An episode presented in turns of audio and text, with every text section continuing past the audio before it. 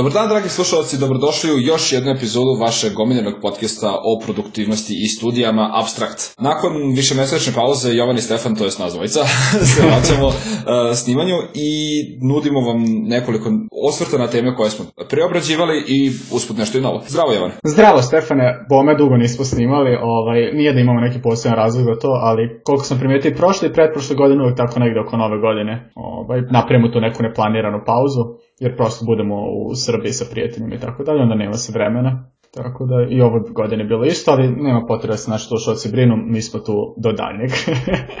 a, ja ću da malo više eksploatišem taj izgovor, pošto najme negde u decembru sam došao u Srbiju, međutim, budući da nisam imao fiksnih obaveza zbog, zbog kojih bih se vraćao u Švajcarsku, sam odlučio da ostanem tu. I evo tu sam, ovaj, čini se još par nedelja, tako da rastegao sam taj izgovor na nekoliko meseci. E pa ja sam isto bio u Srbiji duže nego ikada i ne samo ove godine 2021. nego i prošle godine sam bio, ja mislim prvi put od 2015. duže u Srbiji nego u Austriji, tako da eto, neke čudne posljedice ove pandemije o kojoj ćemo, o kojoj ćemo nešto pričati kasnije. Ali sam sad vratio u Austriju, a razloga što se vratio je ono čije bih eto da se pohvalim. Uh, dobio sam posao, Stefane, i sada sam se vratio ovde da uh, završavam papire za radnu dozvolu. I eto, neko ujedno bude najava za jednu narednih emisija. Uh, imaćemo jednu gošću i sa njom ćemo pričati o tome kako teče taj proces a, traženja posla u različitim branšama i kako se pripremati za poslovni intervju. To je nešto sa čim sam ja imao vrlo malo iskustva ranije, ja sam prilično, pa eto jedna narednih emisija. Da, nadam se će to biti veoma zanimljivo, pogotovo što, eto, a, kako mi jel, e, idemo sa godinama na, unapred, ovaj, i mi ćemo se uskoro, ili smo se već susretali s time sve više i više, tako da... E, trebalo bi, neko je prirodno uh, nastavak svih naših prethodnih tema. I s tim u vezi imamo jednu novost, uh, naime, pored Anchor.fm, trenutno se nalazimo i na još jednoj platformi, a to je podcast.rs, dakle, naš pun website bi bio podcast.rs slash show slash abstract i tamo nas možete naći, kao i veliki broj drugih zanimljivih podcasta na srpskom jeziku. Tako je, i hvala vlasnicima sajta što su dodali na svoju listu. Naravno, možete nas naći na Apple, um, Google podcastima, Spotify i tako dalje, svuda smo. E, no dobro, Stefane, ono o čemu smo danas htjeli da pričamo jeste kako, kako je naše viđenje pandemije rada od kuće godinu dana nakon početka, skoro tačno, jel? I da ne, damo neke onako male update šta se sa nama dešavalo umeđu vremenu od ove poslednje epizode koja je bila pre više od tri meseca sada već. Uh, hajde, Jovane, pošto ti bio uh, toliko posebno entuzijastičan oko obaveznog rada od kuće, uh, želim da čujem tvoje viđenje ove situacije. Moram da kažem da ovaj, moja, moja pretpostavka tada to da ćemo se samo naviknuti i da će sve biti kao i u kancelariji, ako ne čak i bolje, je barem u mom slučaju se pokazala kao netačna i prilikom potrage za poslom sam uh, uvek obavezno pitao kako, kako im trenutno stoje stanje što se tiče rada kod kuće protiv rada u kancelariji i da sam zaista više cijenio uh, one firme koje su rekle da planiraju da se što pre moguće vrate na ovaj tradicionalni pristup radu. I primetio sam ja da mi je značajno, značajno, značajno teže da se koncentrišem i da radim duži vremenski period bez da izgubim pažnju i tako dalje kod kuće nego u a, bilo sobi za učenje, bilo na fakultetu i tako dalje. Tako da moram da kažem da sam promenio stav i da se sad negde bliže tvom stavu od ranije. E pa, rekao bih da mi je drago, ali nije mi drago što se nisi uspio prilagoditi, iako jeste malo eto, slatko što si prešao na moju stranu. ovaj, u svakom slučaju, da, u potpunosti delim uh, tvoj uh, doželjaj. Um, razlog iz kog, iz kog se ja za par meseci vraćam za Švajcarsku uh, je trebalo bi da počnem master tezu uskoro. Odlučio sam da definitivno želim da imam mogućnost da idem u kancelariju koju bih dobio na fakultetu tokom uh, pisanja te master teze i da maksimalno uh, izbegnem scenariju u kom sad kod kuće piše tu tezu, jer želim da uradim dobro, a mislim da uh, kod kuće ne bih to ni blizu toliko uspeo kao da imam uh, posvećeno, da kažem, radno mesto. Uh, I imao sam nekoliko, ajde da kažem, pokušaja, iznova iznova da pokušam na različite pristupe da dovedem, da kažem, ajde, rad kod kuće u neko zadovoljavajuće stanje. Međutim, nije baš uspevalo i deš, dešavalo se da ono, imam perioda kada uspe, kada uspe i obaveze mi nisu jako puno ispaštale, Ovaj, međutim, zaista je veliki teret na moj svakodnevni život i tako dalje i definitivno ovaj, se vrlo radujem tome što ću imati posebno radno mesto. Mm.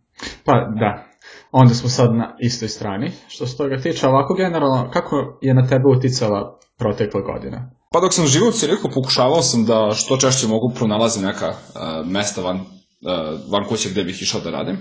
I velika prednost odlaska na fakultet, što mi sada nedostaje, je to što je tamo bila prisutna velika grupa svih drugih studenta, svih profesora i jel, ostalih ljudi koje sam tamo sretao, koji su činili nekako, ajde da kažem, stvarili su taj prirodan tok uz koji sam ja mogao samo da se priključim i da me nekako povuče, da mi bude potpuno prirodno da idem na nastavu, potpuno prirodno da učim, potpuno prirodno da e, sve te neke obaveze ispunjavam, samo eto, priključivši se grupi koja radi to isto. E, ovako dok sam kod kuće sam morao da sam se borim po pitanju motivacije, da sam stvaram sve to i da sam neko počinjem od nule i često se čak i teram da radim stvari koje moram da radim, ovaj, dok mi je to bilo mnogo lakše kada je postojala eto, grupa koju bih se mogao priključiti, makar tako eto što se tiče motivacije i tog nekog duha.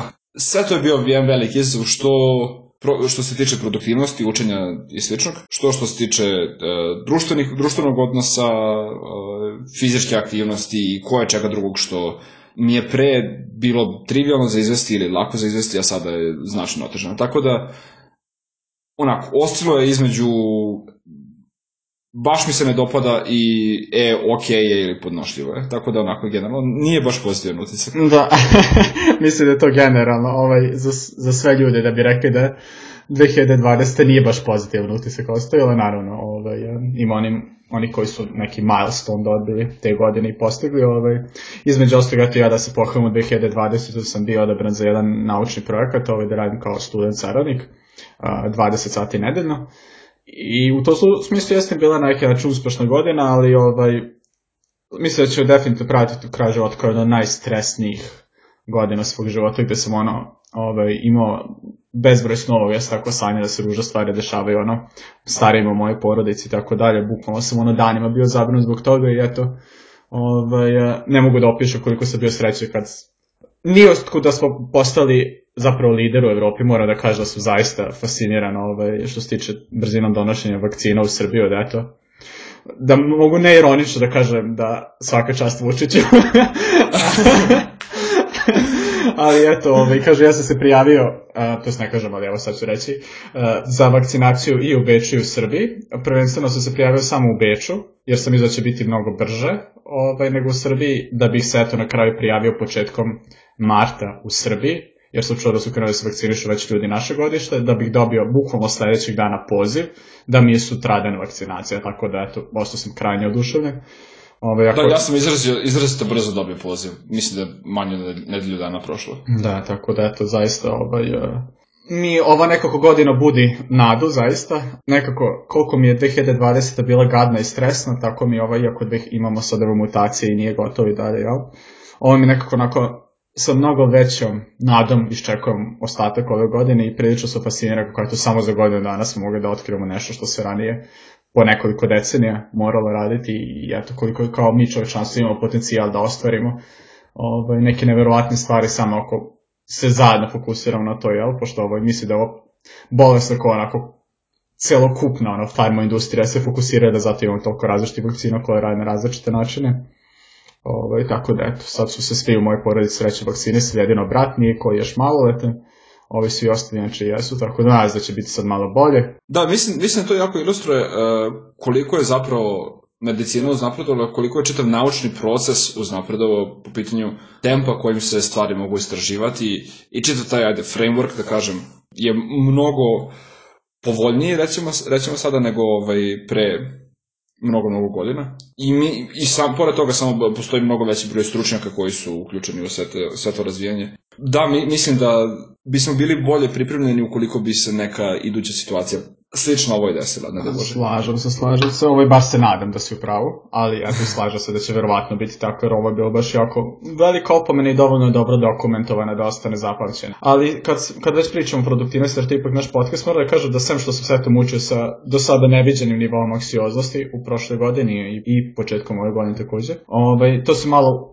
to je malo uticao na moju produktivnost, jer eto sam tog plaćenog projekta i još dva predmeta nisam ovaj, ja, mnogo toga postigao u smislu na fakultetu, trebalo bi ovaj uskoro da završavam master tezu. I tu eto Stefane smo isto u sličnoj situaciji, ti ja ovaj semestar uh, imamo jel, primarno i, ono faktički sam na master tezu, da mislimo i eto ja na posao kad krene, pa eto i da najavimo našim slušalcima kako će mo, verovatno nekoj narednih emisija pričamo o svojoj strategiji, kako smo se bavili, ovaj, kako nam je to izgledao proces pisanja master teze. Mislim da je prilično različito ovaj, kada radiš na uobičajenim predmetima koji imaju domaći, imaju ispit i to je to, i na ovako nekim dugim projektima gde sam na neki način možda postavljaš uh, ciljeve Da, slažem se, mislim da master teza uh, da se razlikuje od tih, što si ti rekao, kao projekata koje dobijemo kao domaći zadatak ili uh, i, pogo, i od uh, ove, uh, i od diplomskog rada, po tome što je ovo već, ajde rećemo, ozbiljna simulacija nekakvog istraživačkog rada, mm -hmm. ne radi se samo kao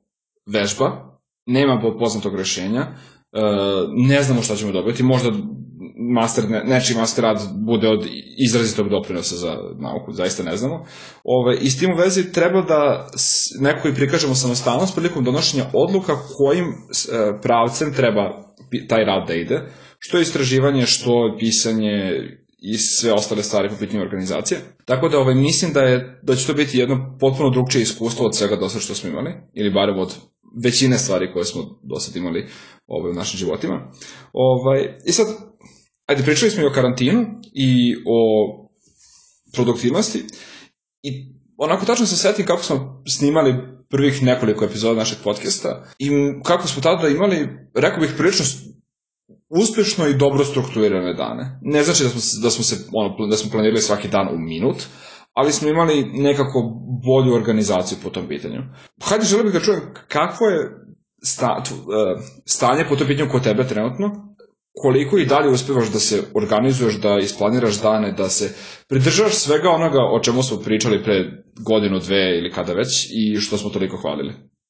E, pa bit ću iskren, dok sam bio kod kuće u Srbiji, a i malo kad sam se vratio u Beč, nisam skoro uopšte, bio sam ovaj, vrlo neproduktivan, moram reći, i, ono, i čak i da radim samo na master radu neki dan, onako prođe ceo dan i osjećam kao da to što sam ja radio 8 sati je moglo da bude završeno za 2, pošto ono, efektivna koncentracija je bila na niskoj nivou. Ovaj, ali sam sada, sada se trudim od kada sam se vratio u Beč naročito, da se malo vratim na ovaj, pređaše sisteme. I ovaj, sad Stefane ne vidiš, pošto kamer nije u tom pravcu, a ne vide ni slušalac, pa ću ti onda opisati kako izgleda ovaj radni zid ispred mene, znači ispred mojeg ranog stola. Prvo imam ona svoja pravila za faktorija koja sam jednom priliku podelio, njih se i dalje držim. I s tim kratku vezu da kažem da sam faktorija morao potpuno izbrisati na kraju. Priznao sam da je, da je to previše, previše dobra droga za moj mozak i da tačno je napravljen igra, kako može da me drži ceo dan i da se osjećam kao da mogu da igram i dalje. Ovaj, tako da se mora izbrisati, to je isto jedan korak bio. Drugi korak je da instaliram ono, ono o, program što si ga ti imao Stefane, koji se zove uh, Cold Turkey, koji potpuno blokira web sajtove i uh, neke programe. Uh, takođe, imam ispred sebe odštampan kalendar za, marč, za mart, uh, april i maj, do kada bi trebalo da mi bude gotova uh, master teza i imam tačno napisano kao su mi sastanci sa mentorom i svaki put onako prekrižim datum koji je prošao da bih nekako sad vizualno stavio koliko još imam vremena. Imam generalno plan kako bih hteo da mi izgleda dan ispred sebe i, kada, i imam okočeno kad mi je koji datum, jel? I napisano pored toga što mi je kalendaru. I sad ovo poslije stvar imam uh, bukvalno logo kompanije u kojoj ću raditi ispred sebe, zato što između ostalog ovaj, ugovorom je navedeno da moram u roku od šest meseci da završim master rad, zato što prilikom računanja moje plate su uračunali kao da sam već završio master, pa onda ugovorom je napisano kao u roku od šest meseci moram da dostavim potvrdu da sam završio taj master. Tako da eto, imam, imam taj neki planski deo, imam neki organizacioni, imam taj motivacijni deo sve ovako zalepljen ispred sebe. I to negde doslikava šta, šta još radim. Takođe ustajem u 7 svaki dan, sa izuzecima, nažalost, ponekad, ali uglavnom svaki dan u 7. I, i pišem u danu napred plan. I zaista osetim ogromnu, ogromnu, ovaj, uh, ogrom napredu u odnosu to kad sam bio kod kuće. Ono što mi dalje fali je da imam dedicated, to je posvećeno mesto samo za učenje, jer su nažalost ovaj zatvoreni fakulteti i dalje i zatvoren je ovaj zatvorene su čitaonice ovde u domu u kom živim. Međutim ima nekih priča u Austriji da će od nakon uskršnjeg raspusta da će svi studenti dobijati po dva PCR testa da ga rade i onda sa rezultatima tih PCR testova mogu da budu na fakultetu. S tim što eto, ovaj, sad neki ljudi su fazon, oh my god, o moj bože, dva PCR testa nedeljno. Zanimljivo je da ovde ovaj, PCR testovi nisu samo one formi da ti ubace štapu u nos sigurno ga 10-15 cm, već imaš kao nešto što se onako grkuće i onda se ispljune i tako, tako se uradi PCR test, što je po meni mnogo bolja metoda. I eto, nadam se da će onda od negde 10. aprila moći ponovo da se na fakultet i onda da će se 100% vratiti u, uz formu. A, I takođe, Stefan, još jedna stvar, uh, sećaš se ono, pre, pre par godina onih svojih tabela koje sam imao, ovaj, krenuo sam sporadično uh, da, ih, da ih ispunjavam. Šta sam promenio? Sredom i subotom, uh, kada su mi inače dani, kada ne radim toliko, kada su više dani za opuštanje, ih ne ispunjam, nego samo danima koji su mi isplanirani ih ispunjavam, tako da sam se vratio negdje na taj sistem. To zvuči zapravo, uh, sad to što se sve uh, stavio na zidu ispred sebe, zvuči kao nešto što mi se dopada i što bih mm, želeo da što pre, ajde kažem, stavim sebi uh, i, jel, ispred sebe dok ovaj, radim. Pogotovo, ajde, dok ne odem u, u Cirih, tamo kak, ukoliko bih bio u kancelariji nekoj posvećenoj, onda bih verovatno se lakše izborio sa čitavom situacijom. Uh, ali eto, ja sam imao jako puno sličnih problema kao i ti. Dok sam bio u Cirihu pre dolaska u Srbiju, uh, sam eto uspevao da relativno redovno, ne i dalje savršeno, ali relativno redovno odlazim uh, na fakultet da učim. Uh, postojala neka menza koja je zapravo ogromna i ne služi više za, za ishranu i ono, jako mali broj studenta uopšte dođe i zauzme ono, petinu ogromnog prostora i tamo sam odlazio ja da učim. Međutim, to je, i to je često bilo komplikovano, ne greje se dobro taj prostor, ako sedim cijel dan i smrznem se tri dana za redom, četvrti mi se nimalo ne ide i onda ostanem kod kuće i mislim da će učiti pa ne učim i tako u krug. Tačno, oni problemi koje možda zamisliš kod, kod, ono, e, kod puno ljudi, verovatno i kod tebe. Ovaj, I ovaj decembar i januar su bili možda najgori meseci, pošto mislim da sam u tada meseca radio recimo 5 sati ukupno, ili 10. možda ne baš toliko, ali druga polovina decembra, januar i E, druga polovina decembra, decembra i januar su bili baš užasni. Tada sam došao u Srbiju i imao sam jednu jedinu obavezu, to je bio taj ispit. I onda sam odlučio da, odnosno odlučio sam da se ne bavim drugim obavezama dok taj ispit ne završim, kao eto da stignem bolje da ga spremim, što je po meni i na kraju ispalo i kontraproduktivno, zato što kad sam imao tu jednu obavezu, ono, ne mogu da spremam ispit koji sam već učio pre dva meseca napred. Ono, spremit ću ga za neko vreme i onda ću morati ponovo, a tek tad neću hteti, pošto mi je već mi sveže i već to mislim da znam i tako dalje. I na kraju što se desilo, nisam radio ništa meseci i po dana, do dve nedelje pred ispit, onda sam došao dve nedelje pred ispit, onda sam vrlo intenzivno učio i položio ispit zapravo sam vrlo visokom ocenom. Tako da, eto, mislim da je bila greška što sam tu sebi, sebi smanjio broj obaveza. I nakon toga sam odlučio da sada kad mi je aktualna briga pisanja master teze, odnosno za početak izbor master teze, da se trudim da ne držim toliko mali broj obaveza koje bih imao, nego da imam veliki broj obaveza koje bi mi stvarali te neki pozitivni pritisak, kada da kažem, i stvarale mi donekle onaj tok o kom sam pričao, i pre neku prirodnu motivaciju, umesto da moram sam to rekao da se mučim kao što je sve, sve ovo drugo vreme do, do sad bilo.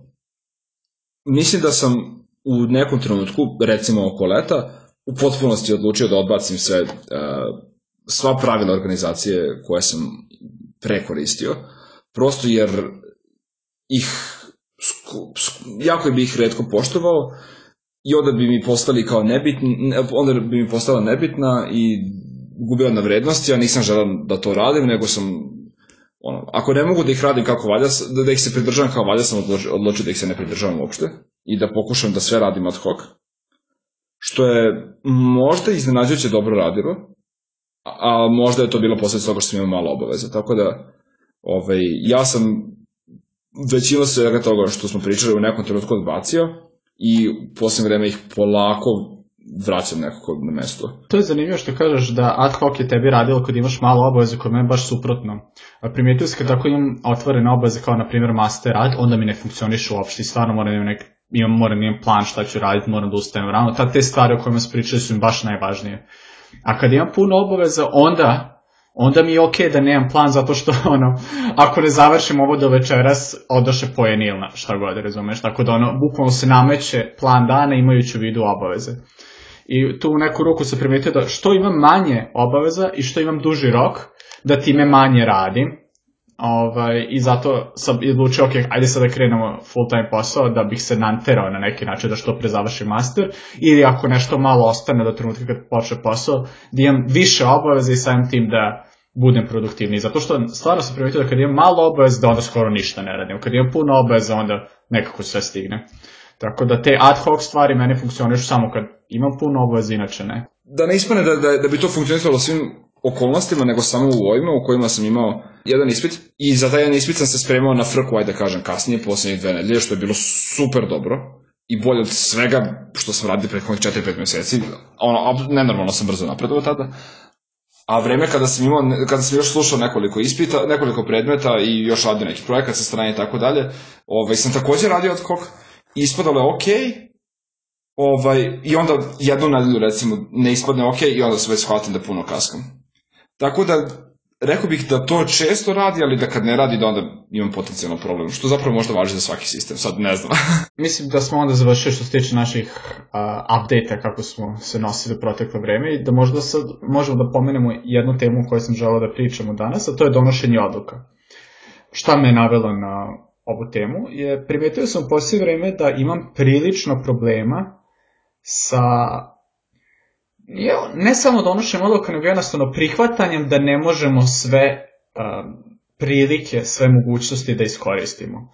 Konkretno što se dogodilo prilikom potrage za poslom sam se prijavio na mnogo mesta i započeo sam proces intervjua sa ukupno osam kompanija, od kojih sam manje više pre u isto vreme dobio ponude od četiri kompanije, jedne malo ranije ponuda, ali sreća bila je loša, pa u smislu da nije ono što mi interesovalo, nego je software ne data science, onda sam mi lako da odbijem, ali ove prosjede tri su stigle sve u roku od nedelju dana, I bilo mi je jako, jako teško da se odlučim između dve od te tri ponude, zato što je jedna pozicija bila mnogo bolje plaćena, dopao mi se više tim, dopao mi se više šef, dopalo mi se više to što je uh, engleski i nemački jezik firme, a ne samo nemački, koji znam manje nego engleski, jel? I generalno imao sam osjećaj da bih se mnogo manje stresirao na toj poziciji, ali, s druge strane, bih mnogo manje naučio i imao bih nekako manje atraktivnu firmu u CV-u. Pošto ova firma za koju sam se na kraju uh, odlučio je jako poznata u domenu kojem se bavim i priznata. I imaju ceo program kako ono, da kad uđeš šta, šta ti znači, šta, šta se odmah radi, kako ti odmah te učeš šta sve treba i tako dalje, imaš mentora i to znači mnogo je bolja prilika za učenje. I zaista mi je bilo jako, jako teško da se odlučim. Jedan dan kada sam dobio bukvalno celokupnu ponudu jednu i drugu, sam bio skoro u agoniji, malte ne, ono, nisam, nisam vrištao krenuo da razbijem style, dobro, nisam malo preterao za potrebe podcasta, ali bio sam, bio sam u prilično lošem emotivnom stanju i ono, zvao sam, ne znam, 5-6 ljudi da dobijem savete i ovaj, na kraju, na kraju mi je četvoro ljudi reklo da odem za tu firmu koja mi je ponudila no, skoro 25% veću platu ovaj, i gde bih se bolje osjećao, a samo, jel, dve osobe su mi rekli da odem u drugu i na kraju sam se ja ipak odlučio da odem u ovu drugu zato što sam rekao, ok, mislim da se više isplati ulagati u budućnosti, plus mogu bih da krenem da radim mesec dana ranije. I ono, jeste da će biti teže na nemačkom, ali mislim da će biti dobro u budućnosti, da ću se osjećati na kraju ponosno što sam eto prihvatio težu stvar. To onda sam uspio na kraju ipak da donesem odluku, iako nakon puno, puno, puno a, razmišljanja i emotivne muke. Tako da, eto, to je nekako uvod zašto me ova tema interesovala, sad bih volio da kako si Stefan nosiš sa odlukama i imaš li ti sličnih problema kao ja. A ovo je jako um, teško pitanje, zato što s jedne strane nekako imam osjećaj da nisam toliko patio zbog donošenja odluka kao što si sad rekao. Što više rekao bih možda, on, vrlo malo.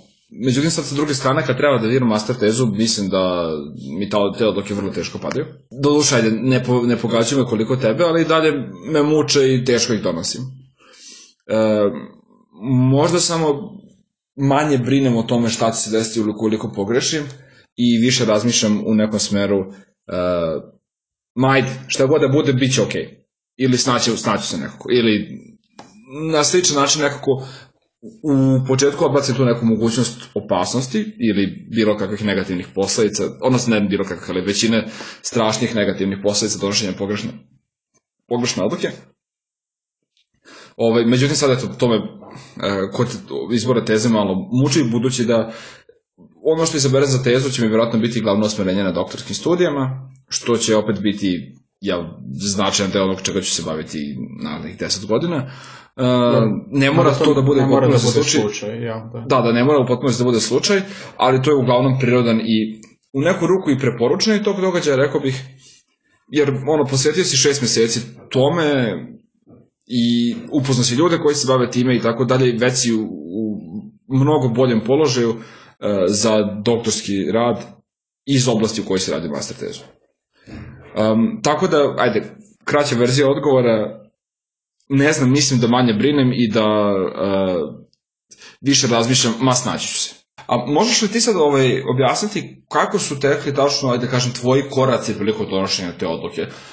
Rekao bih da, eto, Za mene je značilo to što sam zvao svih šest ljudi, svih sam čuo argumente. Uh, zvao sam rekrutere iz te dve firme, da bukvalno sve detalje čujem i razmišljao sam o tome kakvi su tačno zadaci koje bih imao na jednom mestu, koje na drugom i da li mi je to što je negde lakše dovoljno da sebi odbrojim to što ću manje naučiti, na primjer. Ja? To jest, bukvalno sam do detalja imao sve informacije i onda sam nekako saslušao sve mišljenja i kroz taj neki emotivno vrlo težak proces sve to nekako onako sažmao u konačnu odluku na kraju. Misliš da bi ti bilo... Sažeo, ne, ne mogu da kažem sažmeo, ali daj. Da, ove, da li bi ti možda bilo korisno da napišeš nekoliko kriterijuma po kojima bi doneo tu odluku. Naprimjer, plata, e, fleksibilnost radnog vremena, lokacija rada, e, fleksibilnost otkaznog roka i tako dalje, dao težinu svim tim, e, ajde da kažem, kriterijumima i ocenio sve moguće opcije po tim kriterijumima, nakon toga samo sabrao i odlučio se za jedno sa najvećim jel, brojem bodova koje su sakupili kroz to. Da, zvuči, zvuči dobro u teoriji, ali ovaj, nekako mislim da šta god da dobio tu, ne bih bio dovoljno jak da tu odluku i donesem i da bih na kraju opet promišljao na taj neki holistički način. Da, može se desiti da ja, ja um, očekujem da bih jako počeo da sumnjam u tu težinu i u ocene koje sam dao. Da kažem, ajde, da, u težinu zato što u suštini da. znaš, znaš, ko, znaš kakva je plata i nenom, kako je, bukvalno sve informacije znaš unapred i to kako ćeš davati težine stvarima, razumeš, nije neutralno. Jel možda bi vredelo da se to napravi pre nego što sam što čuo ponude, ovako bih teško i napravio taj sistem, jel, pošto znam šta želim donekle. Mm. Tako da nije ni lako napraviti sistem. I kažem, meni bi veći problem bio to što ne bih se onda toga mogao pridržavati na kraju i ja bih onda opet razmišljao, ok, da li je ovo dobra odluka, da li je ova odluka dobra i tako dalje. Tako da, znam. Jasno. Um, dobro, Jovane, um, mislim da nas ovo dovodi uh, blizu kraja naše današnje epizode. Uh, da. Dakle, iduću epizodu bismo verovatno snimili za dve nedelje odnosno objavili za dve nedelje, verovatno.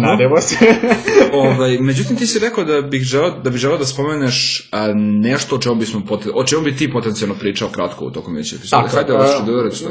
To je postavljam je još koja strana do kraja knjige Borislava Pekića Bestilo. I vrlo, vrlo mi se dopada knjiga.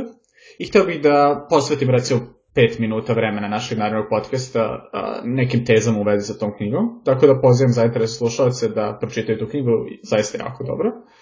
I podsjetnik naravno da i dalje ćemo u jednom trenutku pričati o knjizi Tako je govorio Zaratustra od Ničea, tako da, eto, čitajte polako i nama ide dosta polako, posebno jednom od nas. ali doći ćemo... Bacit ćemo novčić da vidimo ko je kriv. No dobro, s moje strane ja mislim da je to sve što smo planirali za danas. Stefan, imaš ti nešto da dodaš? Uh, ništa, eto, drago mi je da smo ponovo počeli da snimamo, tako da, ovaj, eto, čujemo se za dve nedelje. Uh, ukoliko uh, imate nekih pitanja, kritika, sugestija i tako dalje, možete da napišete na našu e-mail adresu koja je abstract.posta at gmail.com uh, i ukoliko da pošljete, možete da nam pošljete glasovnu poruku, uh, u kom slučaju bismo je ili pustili ili sam odgovorili na nju, kako god ovaj, da odlučite. E, lepo rečeno, Stefan, onda ja imam samo još jedno da kažemo, to je zdravo. Pozdrav!